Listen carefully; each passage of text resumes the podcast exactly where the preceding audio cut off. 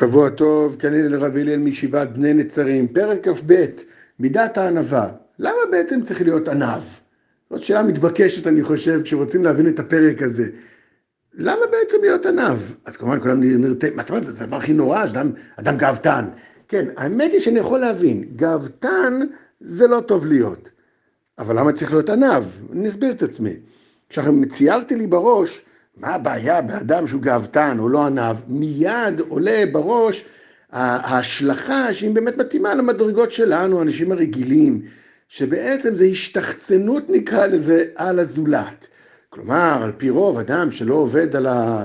מה שאנחנו קוראים בשפת העם, מידת הענווה שלו, והוא מתגאה, אז הוא פשוט מזלזל באחרים, לא מדבר אליהם בכבוד, לא שם לב לצרכים של אחרים, פוגע, מעליב, אה, נכשל בבין אדם לחברו, לא שם לב לעני ולא שם לב לגמילות חסד וכל מיני פרטים שבעצם הם מבטאים את זה שאתה שקוע בתוך עצמך ואתה לא שם לב מי נמצא מולך.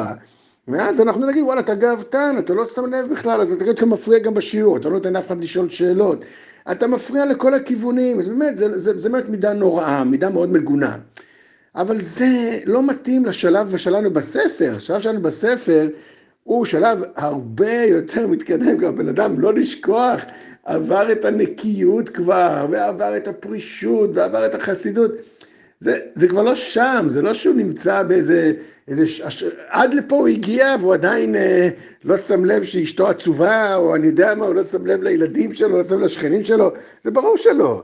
זה לכן העניין הזה של ענווה, מה בדיוק הבעיה בזה שאתה לא ענב? כלומר, לא להיות גאוותן פשוט, ענב זה משהו אחר. ענב זה לא אתה מול מישהו אחר, אני חושב כך לומר. לפחות הענווה שבפרק הזה, שהיא מקדימה ליראת חטא. זה לא, זה לא משהו שאתה ביחס למישהו אחר מזלזל, זה משהו אתה ביחס לעצמך. או יותר נכון, אתה ביחס לריבונו של עולם. אם נחשוב רגע, הפרק הזה, פעם שעברה דיברנו שהחסידות מובילה לענווה. האפשרות היחידה להגיע לענווה, אמיתית, זה רק כשאתה מבין בכלל איפה אתה נמצא, איפה אתה חי בתוך כל החברה, בתוך הכלל ישראל וכולי, הלאום, האומה, ההיסטוריה. אבל הפרק הזה גם הוא מכין ליראת חטא, יראת חטא זה המדרגה הכי עליונה, שעוד נלמד בעזרת השם כמה שנצליח להבין, שאדם לא חוטא כי הוא, הוא לא רוצה את החטא עצמו, לא בגלל שום חשבון, שום אינטרס, שום סיבה צדדית, אלא החטא בעצמו הוא מזעזע אותו עצם לעשות את, ה, את ההפך מרצון השם, ההפך מהנכון והישר.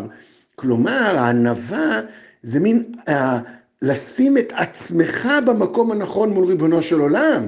כמו שאומרים החסידים, או זה בעצם פסוק מפורש, שיש אדם גאוותן, אין אני, אומר הקדוש ברוך הוא, אין אני והוא יכולים לדור בכפיפה אחת. הקדוש ברוך הוא שונא גאוותנים. עכשיו עוד פעם, במובן הפשוט, כי אולי אין לו דרך ארץ, אין לו בדם לחברו, הוא, הוא דוחף בתור, הוא לא שם לב מה קורה סביבו, בסדר.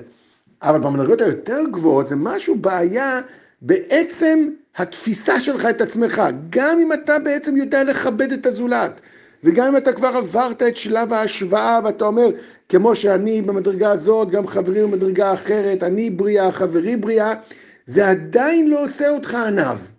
פה יש עבודה מיוחדת. מהי העבודה? אומר המסילת ישרים, יסוד הענווה, שאדם מחשיב את עצמו. מחשיב את עצמו.